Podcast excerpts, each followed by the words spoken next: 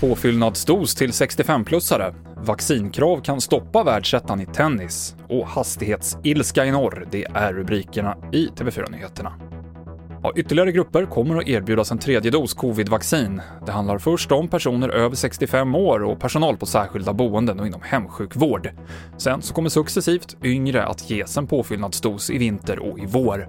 Och vår medicinreporter Susanna Balczewski säger att det här nog är en klok väg att gå. Som Folkhälsomyndigheten sa här också, att det handlar ju hela tiden om att hålla smittan stången på befolkningsnivå. Sen kan ju enskilda individer drabbas av sjukdom även om de är dubbelvaccinerade och så vidare. Men att, att se till att, att de som har, löper störst risk eh, får den tredje dosen först. Det sa Susanna Balczewski. Ett Egypt Air-flyg mot Moskva återvände till flygplatsen i Kairo strax efter att det lyft idag på grund av ett hotfullt meddelande som hittades på ett av sätena. Innehållet i meddelandet är okänt och Egypt Air säger att säkerhetspersonal inte hittade något ombord och att ett annat plan kommer att flyga passagerarna till Ryssland. Flera sträckningar av Europavägarna i norra delen av Sverige har fått eller ska få en 80-gräns för att minska olycksrisken.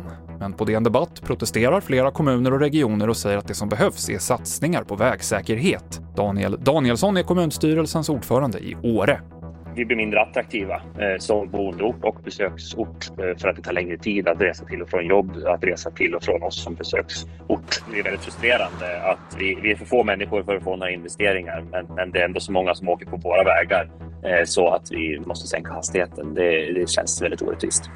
Och inga ovaccinerade spelare kommer tillåtas vara med i tennisturneringen Australian Open nästa år. Det slås nu fast av lokala politiker.